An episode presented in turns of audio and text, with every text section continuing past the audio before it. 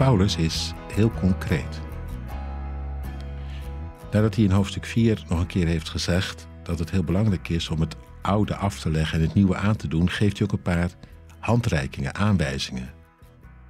Van die dingen waar je op bedacht moet zijn, op alert moet wezen, waar het handen en voeten krijgt. Dat afleggen van het oude en dat opstaan in het nieuwe.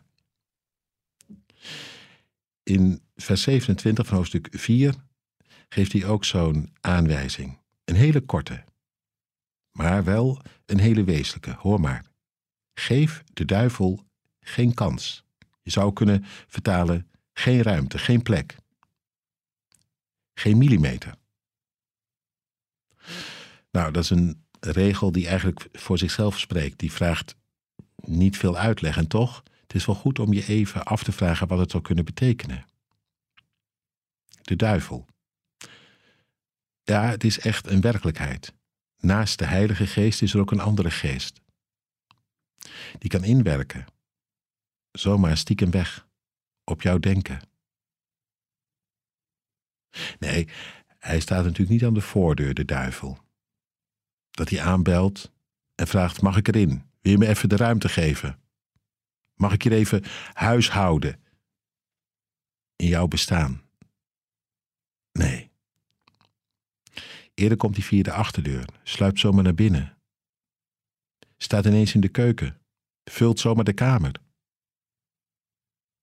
Anders gezegd, hij is met je in de weer voordat je het weet. En om het dan even heel concreet te maken, meestal via een vluchtige gedachte, die een eigen leven gaat leiden. Een zondig verlangen. Of gewoon iets van achterdocht. Een kwaad idee. Een somber gevoel.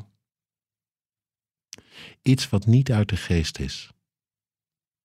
Maar wat intussen wel zomaar je gedachten stukje bij beetje kan gaan vervullen, gaan bezetten. Wees erop bedacht. Laat het niet zijn eigen leven leiden. Geef het geen kans, dat van de duivel, dat wat duister is, uit de boze. Geef je hem een vinger, dan pakt hij zomaar je hele hand. Laat je hem zijn gang gaan, dan vult hij zomaar je hele hart. Wees erop bedacht. En uh, zodra je uh, merkt dat hij naar binnen sluipt, zeg hem de wacht aan. Hoe? Nou, dat heeft uh, Paulus in het volgende hoofdstuk gezegd. Met het zwaard van het woord van God. Dat is de beste manier. Nee, ga niet met hem onderhandelen. Maar wijs hem de deur. Met een belofte. Of met een gebod van God. Of met een lied.